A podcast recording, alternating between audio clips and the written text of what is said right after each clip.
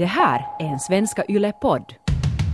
I hear you sista! Jag är så glad att det är några som också intygar att de är lika jobbiga som jag som blir den där, blir så här pubertala och, och snesiga av sina föräldrar fast de inte har någon anledning till det. Ja.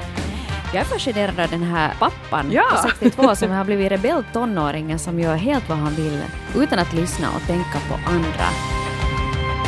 Hanna Norrena, vi ska prata om föräldrarelationer idag och det är, du har igen varit ute och gjort research, du har varit på, på semester med La Grande Familia med barn och föräldrar. Hur gick det? Ja, det, det gick riktigt bra faktiskt. Det, jag, jag gjorde ju inte kanske bara enbart för research utan Inte? vi har ju varit och rest ganska mycket ut med mina, mina föräldrar.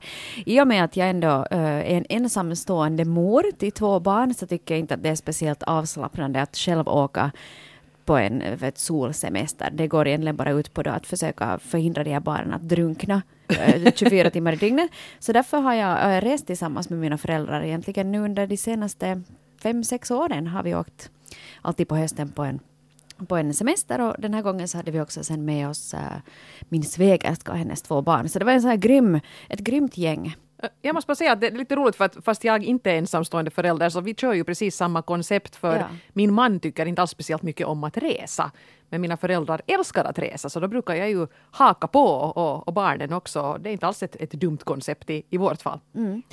Den här resan så var riktigt, riktigt lyckad måste jag säga och, och kanske därför också att vi har rest så många gånger tillsammans och sen att jag kommer bra överens med mina föräldrar. De, vi har liksom en ganska okonstlad och eh, enkel relation. Jag tycker vi har kul tillsammans och, och det funkar riktigt bra faktiskt. Jag vet att många säkert skulle tänka att, att det skulle vara ett mardrömsscenario att bege sig iväg någonstans till en vet du, resort tillsammans med sina föräldrar. Men jag tycker att det är roligt. Plus att jag är jättetacksam för att de hjälper till att sköta mina barn. Så att jag då sen kan kanske lägga mig ner fem minuter ostört. Mm. Ja, men det är ju, det är ju jättebra. Men jag måste, jag måste ju erkänna här att jag är också jättetacksam för mina föräldrar brukar ju också vara bjussiga. De, de bjuder ju och liksom fixar och ordnar och verkligen vill se till att alla ska ha det bra. Men det här som jag kanske nämnde redan förra veckan när vi, när vi lite började eh, blicka fram mot den här veckans avsnitt så jag har ju nog en tendens att bli den här tonårs-Eva när jag har liksom tillbringat några dygn med mina föräldrar. Och det är lite konstigt för jag tror inte att jag var en hemskt jobbig tonåring. Ja. Men jag, nu när jag närmar mig 40 så blir jag den här pubertala, vräsiga och jag menar, de har så underliga system, mina föräldrar. Och, och måste ni nu liksom, ja, ja, och nu kommer, åh, nu händer det här, nu kommer du att bli stressad över det här, och jag vet det redan. Och egentligen i slutändan är det bara jag som beter mig som en pisspotta och alla andra som är helt civiliserade, både barn och, och mina föräldrar då. Men jag vet inte, jag, på något sätt trillar jag alltid dit. Ah, ja. men, men jag tänker bara, liksom, du brukar ju ändå kunna uppföra dig väl. Så vad är det som får dig att känna då att, att eh, du kan behandla dina föräldrar som en slasktratt? Nej men det gör jag inte. Jag går ju liksom bara och är liksom vresig inombords. Ah, inte så säger- säger inte Nej, dem? jag skäller inte ut dem och sådär. Men jag, jag märker liksom att nu måste jag räkna lite till tio här nu då. Utan, nej, jag, jag säger faktiskt aldrig fult till mina föräldrar. Det har jag aldrig gjort. Jag vet inte, vi, vi har aldrig liksom haft en sån jargong hemma. Nej. Jag, jag, jag håller helt med dig. Alltså jag nog också har en, en här stor respekt för mina föräldrar. Att Det är klart att du ibland kan bli lite trött, att du kanske snäser lite och sådär. ja. Men aldrig jag skulle som säga fult eller börja bråka och härja och, och ha mig. Eh, kanske för att jag helt enkelt inte skulle... Vet du, när man var liten så vågar man ju inte. Då hade man ju vet du, att om, om de säger att det är på ett visst sätt så då är det på det sättet. Så att inte vet, kanske det är det som sitter kvar på något vis. Att man, att man tänker att man vill inte få, en, få den där utskällningen. Men jag tror kanske jag också lite, just i den här resesituationen, så kan det ha att göra med det där att jag inser att nu är jag den här som borde liksom ha koll på allting. Att barnen kan man ju inte på det sättet liksom förvänta sig så, så mycket av. Att de ska liksom ta reda på hur man tar bussen till beachen. Eh, och så börjar mina föräldrar ibland vara lite sådär, fast de har rest hemskt mycket och, och kan många språk och är liksom kultiverade människor så märker jag att med åren så stressar de mer och mer över det här att oj, hur ska vi hitta det här och oj, nej, och här måste man ta något Uber och vad, vad är det och liksom så här.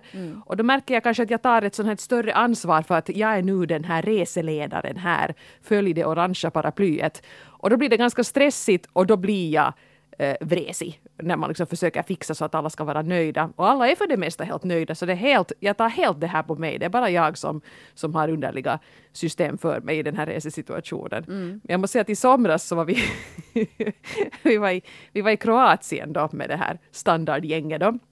Och grejen var ju att jag var gravid och hade lite foglossning och allt möjligt.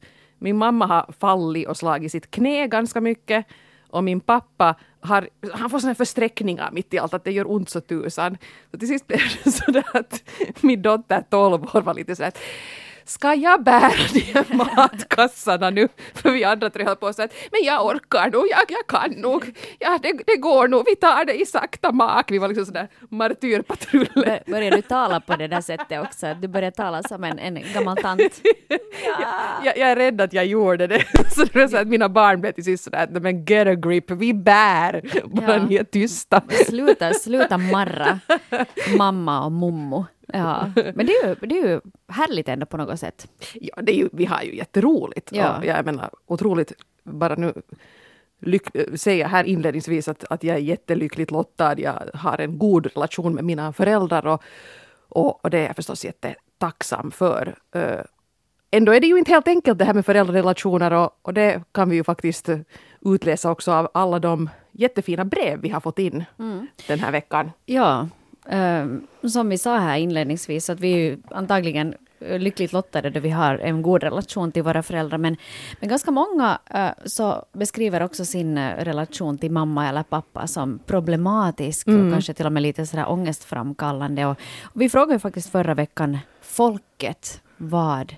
folket anser om, om, om det här. Vem man egentligen blir vet du, då telefonen ringer och, och man ser mammas mamma där på, på den här displayen. Att är det så att yes, nu ska vi ha lite girl talk eller är det så att åh, jag har förresten en bild på min mamma uh, när, den, när telefonen ringer så är det faktiskt min mamma som är glad och solbränd i en uh, swimmingpool i Grekland. Ja.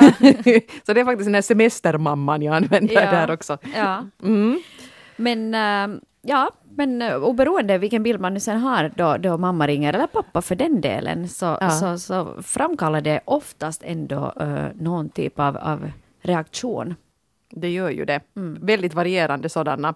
Vi frågar ju, eller vi, vi ville veta mycket om vuxna barn och deras föräldrar och tusen tack igen till alla er som har hört av er. Vi kommer ju inte på något vis att få med alla de här berättelserna i det här programmet och vi kommer inte heller att få med dem alla på webben, men vi har åtminstone gjort en artikel som du hittar på svenska.yle.fi var du kan läsa de här berättelserna i sin helhet. Inte alla, men ett urval av dem. Och uh, vi ska försöka få med så många som möjligt här nu också, så vi kanske måste kavla upp ärmarna och börja, mm börja beta av dagens brevskörd. Nu lät det som ett sånt kaféprogram från 80-talet.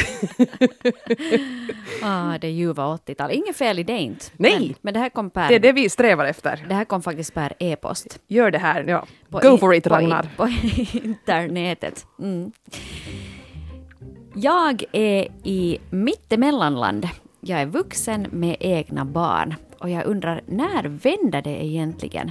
När är det jag som får tillgång till min mammas konto och inte tvärtom som under de första studieåren för att kolla att hon har pengar i slutet av månaden. När är det jag som kommer hem till henne och tar fram fönstertvättstrasan och inte hon som byter gardiner hos mig? Egentligen så är det bäst som det är just nu där vi båda ger och tar. Så här skriver en 36-årig kvinna. Jag tänker att det, det, det, många brukar ju säga det där att det, det sker ett skifte i något skede. Mm. Att eh, barnen är barn tills eh, föräldrarna blir så pass gamla att man måste börja ta hand om dem istället. Och det är kanske just där någonstans, 30, 40, 50 års åldern som det här skiftet sker. Ja, för man kanske flyttar hemifrån när man är där runt 20. Och så är man ju en helt oberäknelig hoppetossa i tio år. Och då är det jätte, jättebehändigt att ha just mamma som kommer och hänger upp gardiner och pappa som skruvar ihop IKEA-möbler åt en. Ja, eller tvärtom. Mm. Uh, och, och, där... Det är också ett sånt bra stadium, men det är ju inte bra att låta det pågå allt för länge. Och nu drar jag på med könsstereotypier, men hörni alla manliga lyssnare, jag hoppas att ni ändå liksom släppt era föräldrar, i synnerhet mamma, fri sen kanske där vid 25 senast, för det är ju inte meningen nu heller att, att mamma ska byka och städa för sina barn hur länge som helst. Mm. Inte sant? Ja, fast hon kanske definitivt gärna vill. Ja. Ja, mm, så där får man nog kanske... Och det är ju inte heller så att nå, nu måste du hitta en fru som sköter de här sakerna för dig. Ja. Nej! Nej. Kom igen. Här var faktiskt en annan brevskrivare som, som var inne på lite, lite samma sak här. Eh, hon är i samma ålder som den här förra, hon är 37. Nu när jag är vuxen så kan jag ibland bli irriterad när min mamma tar mammarollen och ska sköta om mig, fixa åt mig eller betala åt mig. Men så måste jag ibland bara tänka att jag är ju faktiskt hennes barn fast jag är vuxen. Jag skulle säkert vilja hjälpa och fixa för mina barn sen när de är vuxna. Eh, jag känner nog så igen det där. För till exempel, vet du att om man ska få på resa eller man är, om jag far med mina föräldrar, så min pappa betalar alltid. Att fast jag säger att men hej, jag tar nu det här. Och jag har också ett jobb och, och en lön.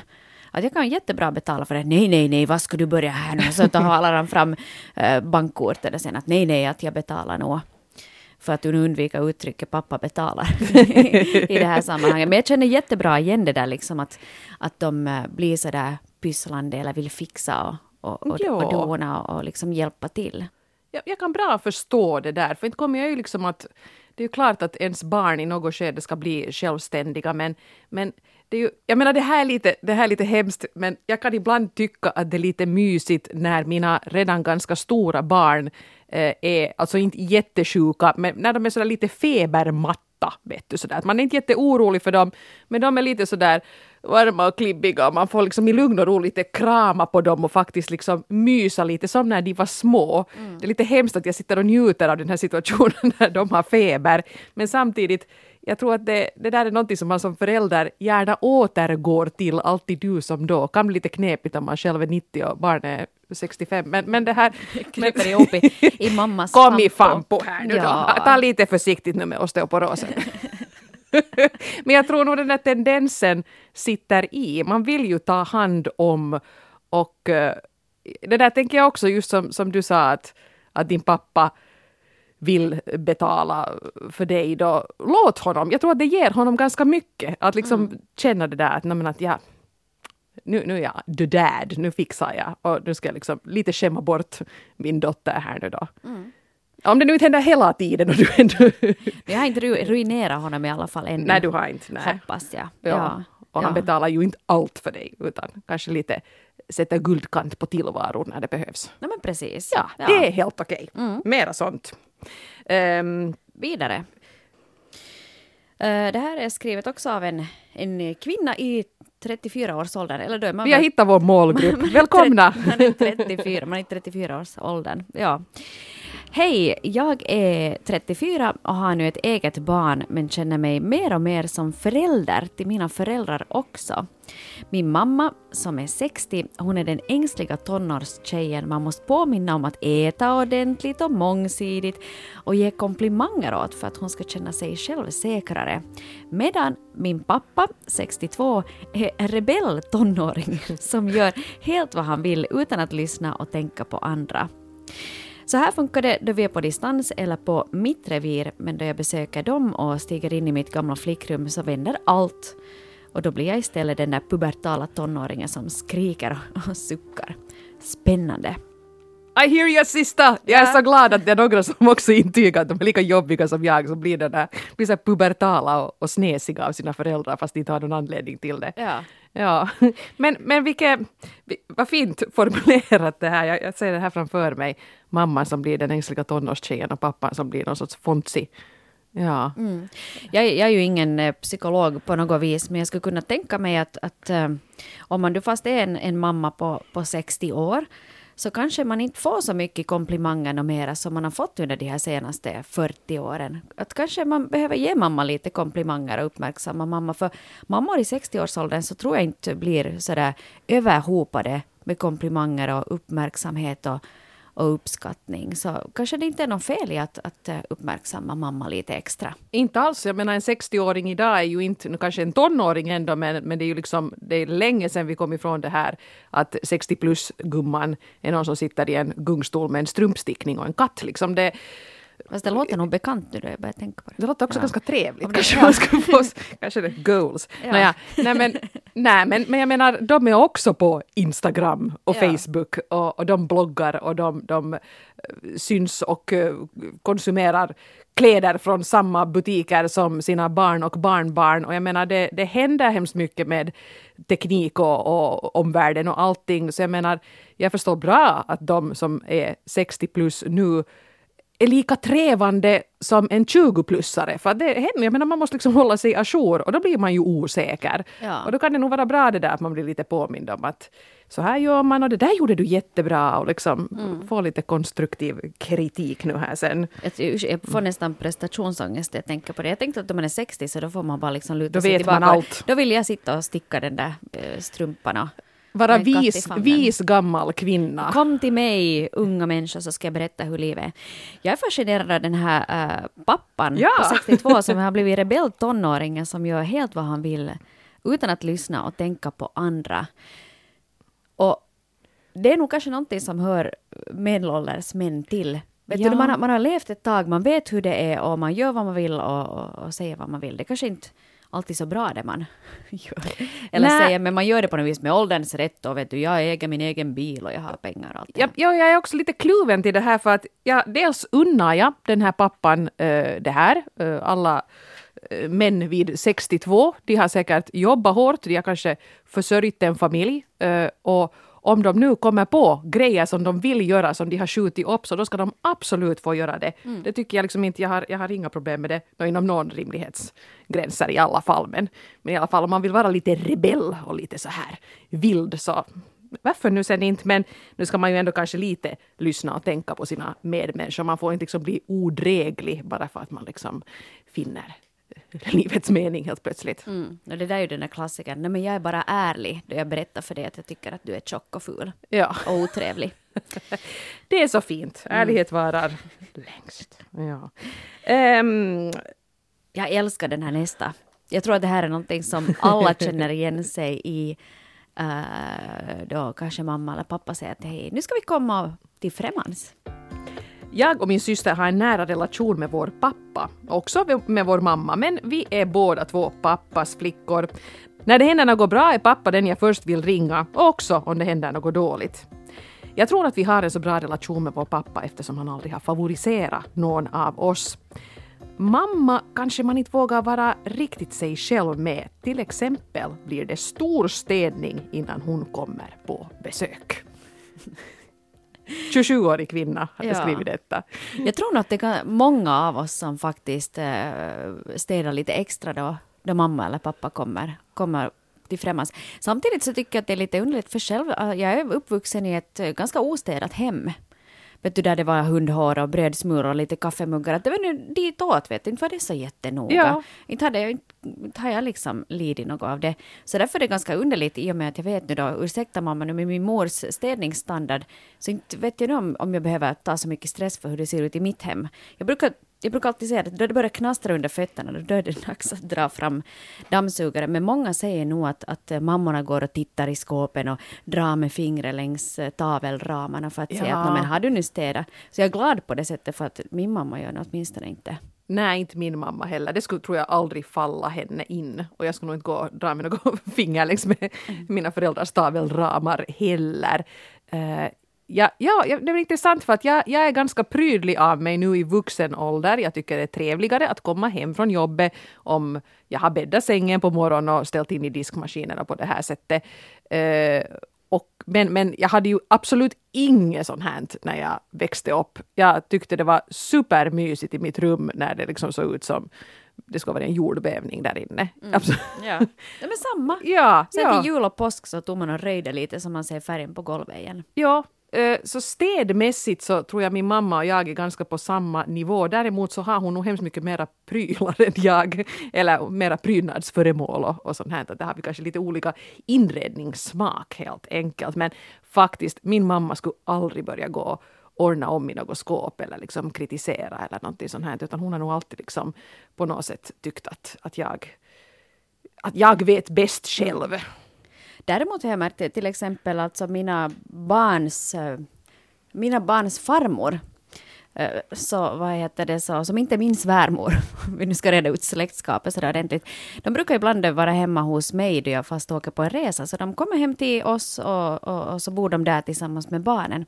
Och nu senast jag var här på en veckoslutssemester till Berlin så märkte jag att liksom allting hade blivit omorganiserat. Till och med vet Ja. du, mitt klädskåp, alla vet du lakan var vet du manglade och strykta och vikta i prydliga högar och, och att man började säga att var är det här? Så att, det, att hon hade liksom lite sådär städat åt mig.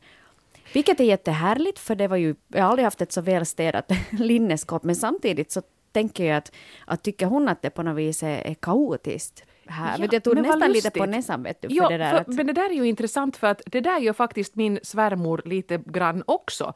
Inte några så stora liksom avgörande grejer men, men när hon är hemma hos oss då och vaktar barn eller, eller vad hon nu gör så No, jag kan tänka mig att hon kanske blir lite uttråkad och därför tycker att "Nå, men jag kan ju lika gärna fixa det här nu då. Och det är säkert helt välmenat men min mamma skulle aldrig göra det men min svärmor gör det. Är det de här pojkmammorna? ja, men ja, hon har två pojkar. Ja. också. Att man Sambo. ändå måste lite nu ordna här. Att han är nu lite, det är lite sådär ungkarls liksom sådär. Att fast han inte ens bor då, Ja, ihop bor ju, med han dig. Bor ju inte, han bor ju inte ens där. nej, nej, men att man på något sätt tycker att jag ska fixa. Ja, men där kan jag vara att då de kommer och hälsa på, för de är sen att allting ska vara tipptopp, så då Aj. står jag nog och skurar, vet du, golvlistorna sen före de kommer också. Så då tänker jag att men nu har jag faktiskt årsstäda här och ändå så var det inte tillräckligt bra.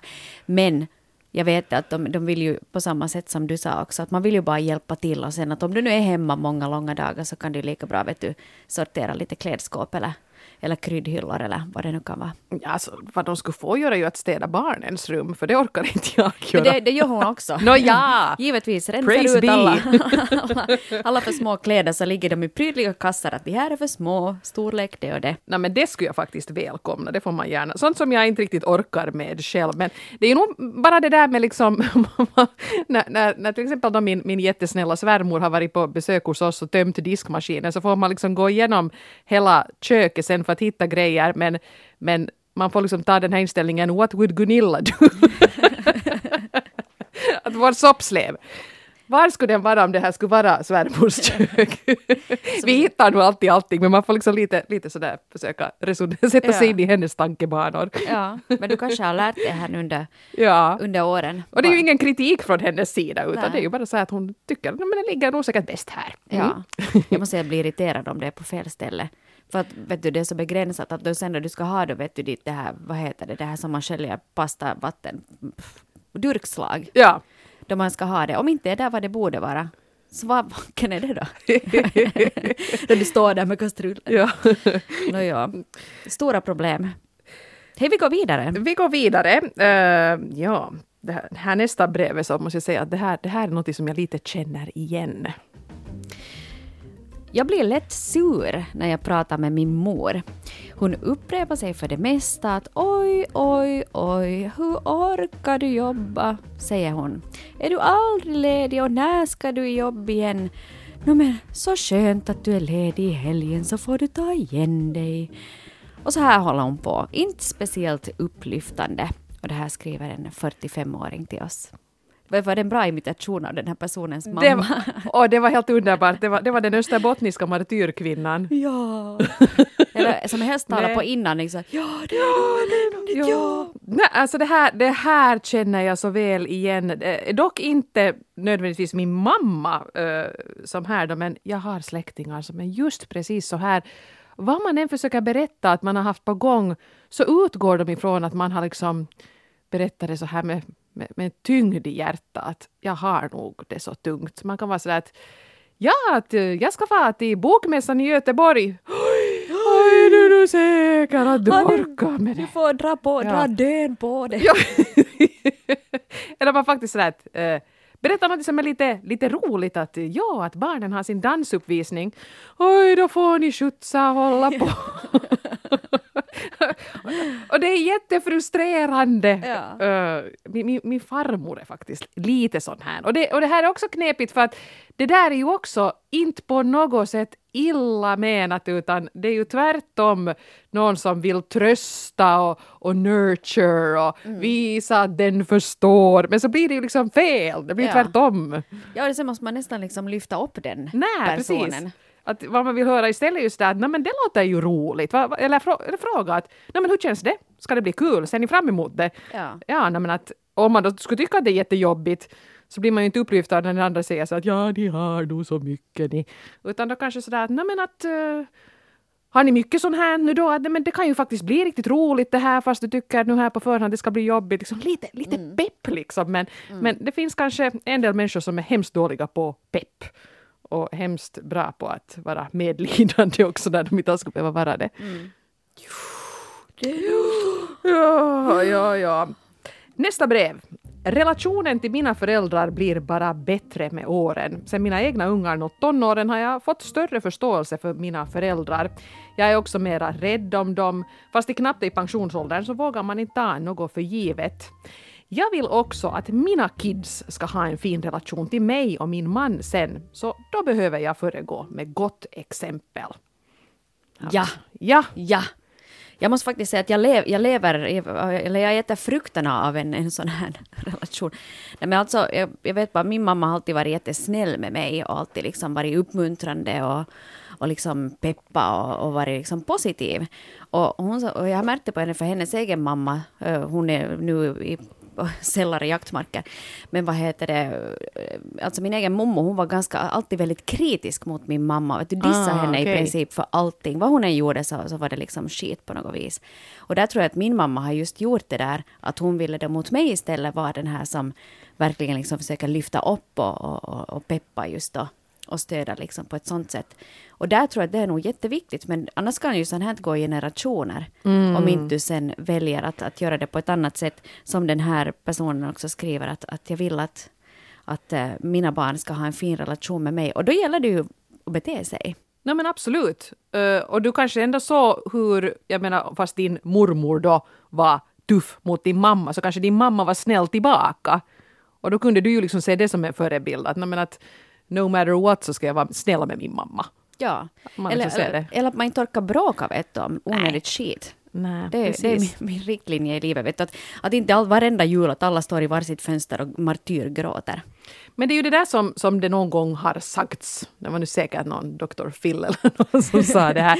Men eh, att eh, no, till exempel hur en potentiell partner behandlar sina föräldrar är ganska talande för hur, hur hen skulle behandla dig i framtiden då. För att det är ju liksom ändå samma scenario om man ska bli en, en familj. Så det här är nog också lite det här att titta lite på hur den eh, äldre generationen har, har behandlat sina föräldrar. Så det är ju klart liksom att det, det återspeglas sen på hur man själv gör i framtiden och ännu längre i framtiden hur barnen gör gentemot en själv. Jag förstår mycket väl det här. Det här tänker jag också mycket på att mina barn har till exempel haft förmånen att de, de, liksom, de, de har fått umgås med eh, hela galleriet av mor och farföräldrar. Eh, och det är ju förstås jätte, jättetrevligt. Mina föräldrar och min mans föräldrar var inte speciellt gamla när mina två första barn föddes. Då. Eh, och då är det ju, jag tycker det här är ju jättebra liksom, att man kan, kan bygga upp den här familjesamvaron här. Det hade jag också när jag var liten. Jag, jag hann liksom umgås med, med dem alla fyra. Ja, fem. Det var, det var en, en bonusmommo också. Bonusmommo, för plus, plus i kanten här. Ja. Men jag tycker det där är jätte, jätte, jätteviktigt faktiskt, det där att man om man skulle liksom hålla på, tänk om man skulle gå hemma och bitcha jättemycket om, om barnens mommo. Nej, nu ringer hon igen, jag orkar inte prata med henne. Bää. Men det tror jag säkert ganska många som gör det. Ja, men nu märker ju barnen det och tänker att jaha, det här är så som man liksom ska förhålla sig till sin mamma sen när man är vuxen.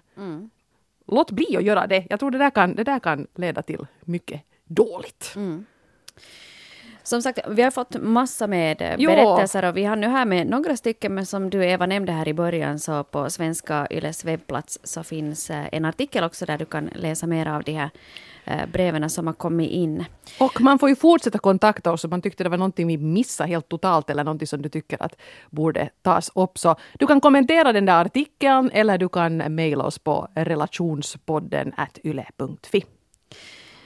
Ska vi försöka, jag vet inte om man kan egentligen summera det här på något sätt, men, men jag tycker liksom många av de här ändå som har skrivit in och, och mycket som man hör, hör liksom sägas, så är det ganska många och jag, kanske speciellt, nej, det gäller både kvinnor och män, så, så kan vara ganska otrevliga mot sina föräldrar. Och jag skulle faktiskt vilja uh, uppmuntra och uppmana Finlands folk och hela världens folk egentligen att, att försök nu att vara lite snäll. Att fast du kanske blir irriterad så behöver du inte vet, kasta den där skithögen över mamma eller pappa. För att det, du gör det knappast till någon kollega heller, eller någon kompis, eller någon dagistant eller något annat. Så att varför skulle du då använda de här människorna som, som har ändå liksom gjort allt för dig under hela ditt liv som någon typ av spottkopp?